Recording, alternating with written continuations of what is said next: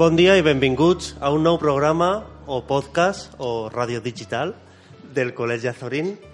I com van dir el programa anterior, anem a parlar amb les mestres d'infantil sobre el treball concret que fan de Filosofia 318. Donem la benvinguda a Julia Bastida, col·laboradora habitual, Bon dia. Paqui Siscar, Bon dia. tutora de 3 anys, i Maria José Pons, tutora Hola. de 5 anys. I així Hola, ja bon tenim els 3 anys, els 4 anys i els 5 anys. Bon dia. I que, que siga una xarra, una tertúlia que servisca a tots per a conèixer un poquet eh, les activitats concretes que feu en, en l'aula en Filosofia 318. Perquè sobretot sou les mestres de primària les que heu començat a fer. D'infantil, he dit.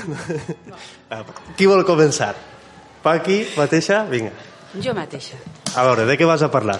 Val, vaig a parlar d'una activitat de filosofia que vaig realitzar al meu grup classe sobre el programa de filosofia 318 o pensar en contes. Vaig triar eh? vaig triar del tot pensar en contes el conte de la gallina lina. I aquesta activitat va durar unes tres sessions. El primer que, que vaig fer va ser triar quina habilitat volia treballar. I vaig decidir que volia treballar l'habilitat de recerca. Encara que és- després de fer totes les sessions eh, pots veure que treballes més d'una habilitat, com vaig explicar ara a continuació. Vinga, arriba't un poc al micro i així t'escoltem millor. Sí? Ves? Podeu eh, parlar, eh? Sí. Entre, quan vulgueu, Maria José i Júlia. Vale. Lo primer que vaig fer va ser presentar a la Marieta Joanina, que és, una, és un peluig. Va vindre a la nostra classe des de la seva cistella i ens va dir que portava una música que ens recordaria que teníem que seure a l'estora com quan anem a seure a l'assemblea que portava també una llumeta que ens ajudava a pensar i un llibre de contes per a escoltar i parlar. Ens va dir que el conte que anava a contar-nos era molt conegut a Anglaterra. Tenim a la classe un globus terraqui i eh, vam mirar a on estava Anglaterra i vam pensar entre tots com podríem arribar a Anglaterra. Així el que estava fent era treballant l'habilitat de recerca i dins de l'habilitat de recerca el formular hipòtesis i buscar alternatives. Un xiquet va recordar que ell, uns mesos abans, havia anat a veure la seva família a Colòmbia, amb avió. Van mirar en el globus terraqui a on es trobava Colòmbia i la distància que hi havia entre Colòmbia i Anglaterra i també entre Colòmbia, Anglaterra i Espanya. Gràcies a aquesta reflexió van arribar els xiquets ràpidament a la conclusió que la millor manera d'anar a Angla- a Anglaterra era també amb avió. Així el que sabia treballar era l'habilitat de raonament, raonament analògic. Que és el que parlàvem la, el programa anterior, sobre el raonament analogies. analògic i l'avaluació analògica també. Bé, un altre xiquet va comentar que mirant el globus terraqui em va preguntar això blau és Àuia, veritat, Paqui? Jo li vaig dir que sí, li vaig confirmar que sí, que era Àuia i que a Anglaterra es tractava d'una illa. I vaig fer que es fixara també en les Illes Balears i les Illes Canàries, que estan més a prop nostre, i que veguera també que estaven també rodejades d'Àuia. Després van contar el conte de la gallina lina molt ràpidament perquè ja no donava temps per a més en aquesta primera sessió. A la següent sessió ja van comentar el conte, vaig llegir el conte sense imatges de la gallina lina i eh, es van em vaig plantejar treballar en aquesta sessió l'habilitat de conceptualització i anàlisi. I entre tots van explicar, després d'escoltar el conte, què és el que passava en, què és el que passava en el conte. Van narrar els fets més importants que passaven en el conte. Un xiquet em va dir que la gallina lina s'havia fet mal, eh, una xiqueta que el cel queia a trossos, un altre xiquet com va comentar que es, no queia a trossos el cel, sinó que plovia, i es vaig demanar després que m'explicaren quin era l'animal més gran del conte.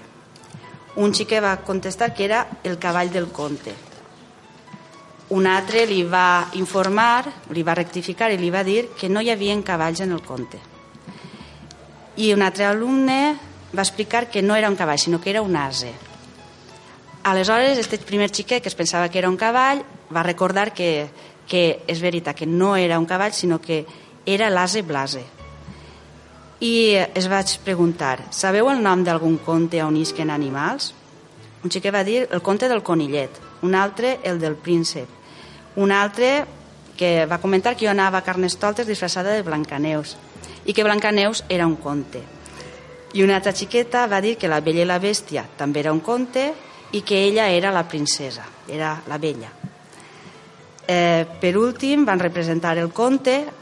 Al representar el conte, el que van fer va ser treballar l'habilitat de comunicació i traducció i dins d'aquesta habilitat es va treballar el traduir el llenguatge, del, el llenguatge oral a la, a la mímica. Per últim, cadascuna de les sessions s'han d'avaluar, s'ha de fer una avaluació figuroanalògica i el que es vaig presentar va ser tres dibuixos, un sol sencer, un sol mig tapat i un núvol en tempesta. Cadascú va triar el que millor reflectia si els havia agradat molt, poc o regular la sessió, perquè en xiquets de xicotets, en xiquets menús de 3 anys, és recomanable que expressen si m'ha agradat o no m'ha agradat més que Correcte. més que expressar algo més, més complicat, més complex. També es vaig demanar a cadascú que explicaren el perquè de la seva tria i així vam acabar l'activitat del conte de la gallina Sí. Molt bé, I Paqui ha sintetitzat tot el que vam parlar l'altre dia. l'altre dia en 5 minuts. Perquè, Paqui, la idea és continuar fent més activitats del conte o no li No, ja vaig acabar ahir i ara continuarem. La meva idea ara és presentar un quadre, triar bé. un quadre que estiga al seu nivell i començar per treballar. Clar, perquè en 3 anys sí que ha de ser complicat, perquè els xiquets...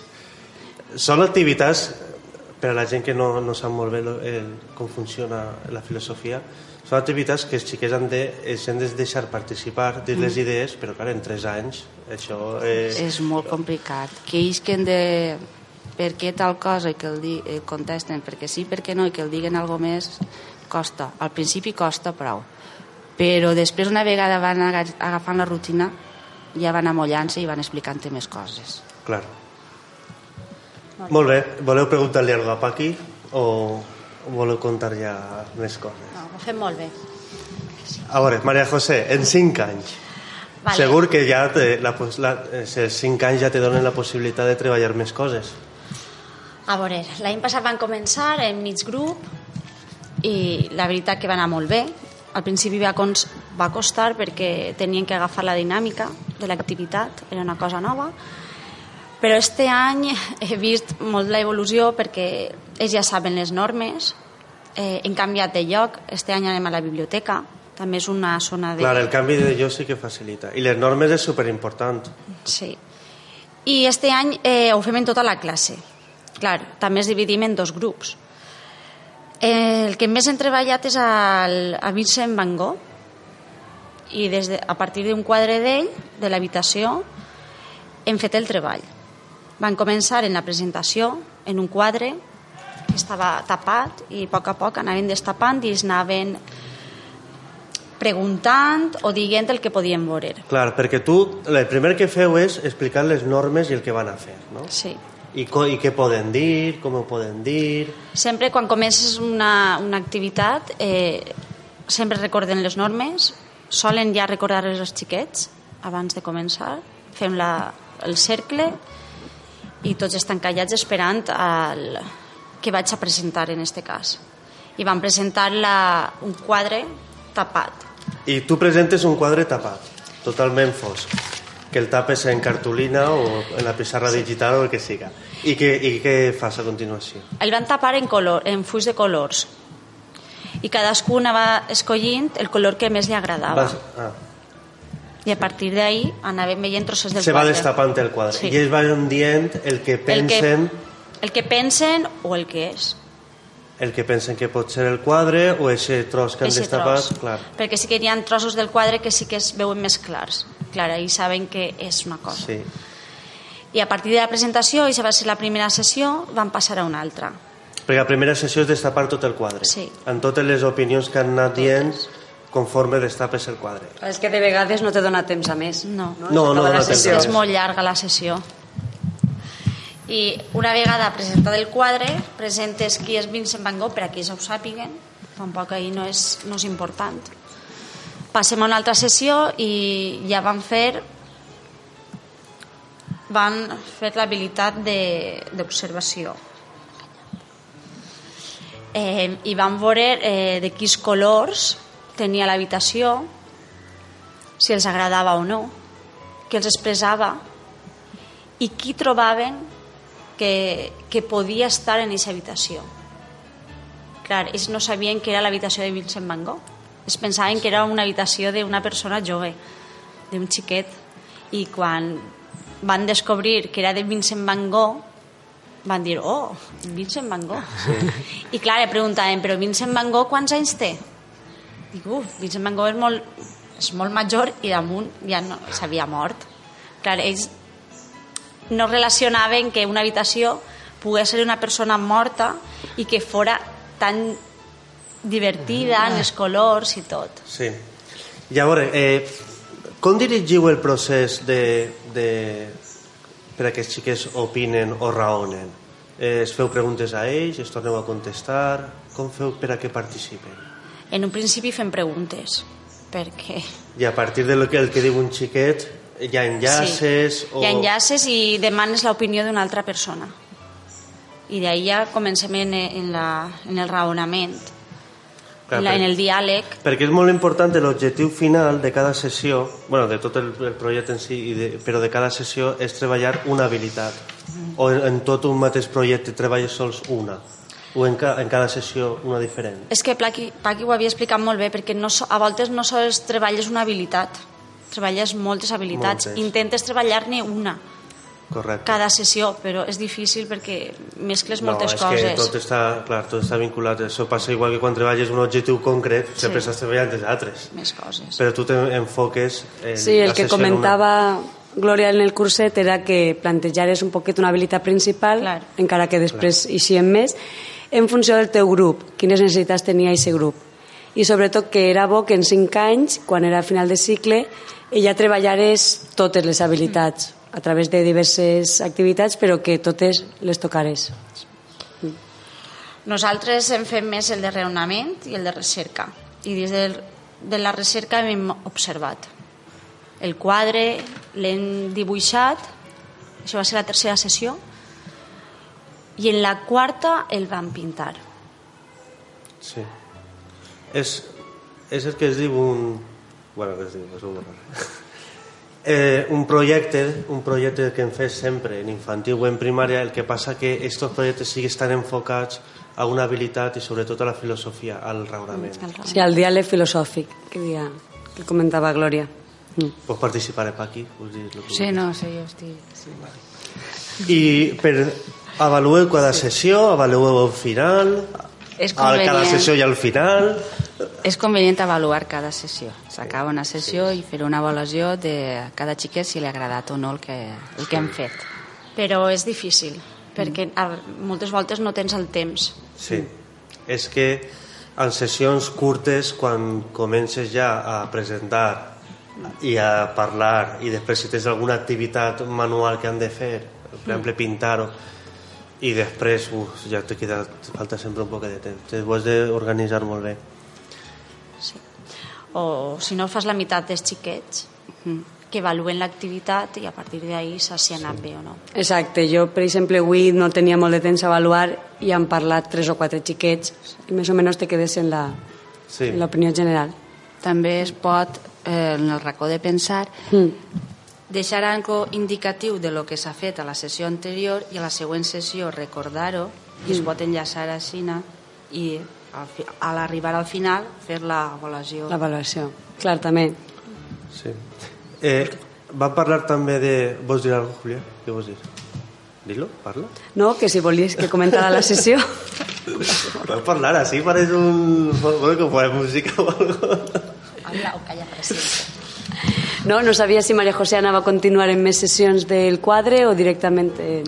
El quadre ja hem fet tot, perquè els xiquets també arriba a un punt que Que necessiten novetat, sí, no? necessiten novetat. Sí. I hem parat ahir. Això es passa sempre, tenim que canviar Sí, d'activitat. perquè l'hem exprimit molt i arriba un moment que els xiquets ja no, ten, no, no aporten més coses noves.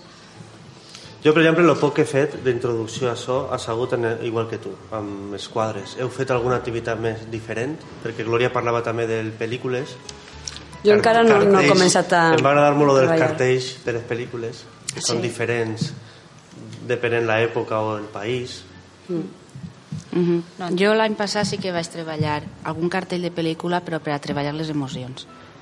Per exemple, la imatge de King Kong representava la ira, la imatge de, de Charles Chaplin en la pel·lícula El Chico, la tristesa i algun cartell més que no recordo. Ho vaig utilitzar per a treballar les emocions. La veritat que n'hi ha, hi ha molt de recursos. Jo en la, en la sessió que he fet avui, de fet no la tenia plantejada d'aquesta manera, però ahir vam fer una sessió d'art els meus xiquets a, a la meva paral·lela, amb, amb Anna, i era dibuixos amb la simetria, no? D'això que pues, estem per a obris el dibuix i cada dibuix és diferent. I me va comentar Anna, per què no treballes això per, per a la filosofia?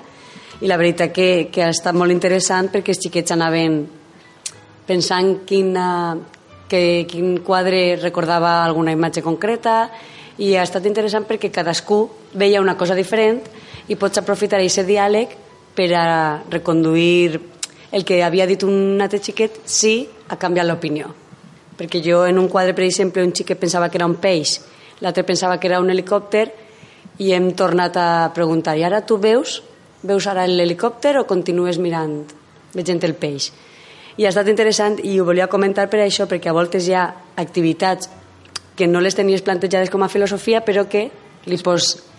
Es pot aprofitar. Sí, sí, tu que sí. pretens és el diàleg filosòfic, Mm. Però clar, després ixen, pues, treballes l'art, treballes la plàstica, treballes la lectoescritura... Jo crec que és molt complet. Sí. i damunt te dona l'oportunitat de que si tu estàs més còmoda en una activitat o en una altra, pots, n'hi ha tant de recurs que pots, pots triar. es pot aprofitar treballar una activitat mitjançant la filosofia eh, i, eh, i eh, tindre la sessió programada també t'ajuda que els xiquets tinguin una rutina i un seguiment i que sàpiguen que aquest moment és Sí. per a dedicar-lo per al joc de pensar però va molt bé també aplicar lo que és eh, l'activitat de filosofia a altres coses com la plàstica o altres Sí, àrees. la veritat que sí. Sí, la rutina és superimportant perquè ens passa a tots els mestres que si no tens algo en l'horari col·locat te'l vas van venint activitats noves, van venint sí. extraescolars, van venint festius i si no ho tens ben programat al final ho, ho vas deixant. Voleu dir alguna més? Per exemple, Maria José, que és el que més t'agrada de, de la filosofia 318. Per a què les mestres d'infantil vos ha agradat tant això? M'agrada perquè és un projecte nou, eh, també perquè aporta als xiquets que pensen i que tinguen un pensament crític Sí. i que no es donem les solucions als adults i ells poden arribar a una solució, això és important, i com poden arribar ahí. Ells tenen els seus raonaments que, mos, que nosaltres és que ni ho pensem. Som molt creatius I tots són vàlids, sempre que estiguen són raonats. Això és el més important que se me va quedar a mi del curset. Mm. -hmm. Però mol moltes vegades tendim més adults, el que dius tu, a corregir-los. A corregir. No, això és que... És... I, clar, Mhm. l'opinió, si està raonada, és vàlida, la de qualsevol. i en l'escola ja quasi no es treballa la, creat la creativitat. També I és, una, és un sí. projecte cre molt creatiu, perquè utilitza Està molt les molt bé. arts. Sí, això m'agrada molt també. I Paqui, a veure, tu què més? No, a mi m'agrada lo de la filosofia, igual, el mateix que ha dit Maria José, Perquè no sé si m'equivoco, però tu eres un poc la culpable de que hem començat en filosofia 3D. Que l'any passat ja vas gravar i vas explicar molt bé. Sí, vaig explicar un poquet. A mi el que m'agrada és això, el que explica Maria José, eh, lo de desenvolupar el pensament crític en els xiquets, perquè també es ajuda a madurar, i això és molt important avui en dia, es dona defenses per a viure en societat i per a tindre les coses clares. Quan més majors i tinguin aquesta capacitat de raonament des de ben xicotets, quan més majors siguen, més ben encaminats, crec jo, que estaran en, en totes les seues decisions. Vale. Júlia, vols dir alguna cosa? No, han dit tot perfectament les meves companyes. Bé, doncs despedim el programa. Eh, no serà l'última vegada que vinguen, perquè tenem molts projectes i moltes coses que van a, a explicar, per exemple, la biblioteca escolar, Clar. Maria José és també l'encarregada, totes les coses noves que hem fet este curs, i farem una tipus de memòria també del radiofònic. bueno, moltes gràcies per vindre Gràcies per convidar-nos. I sí, gravarem més, continuarem. Moltes gràcies.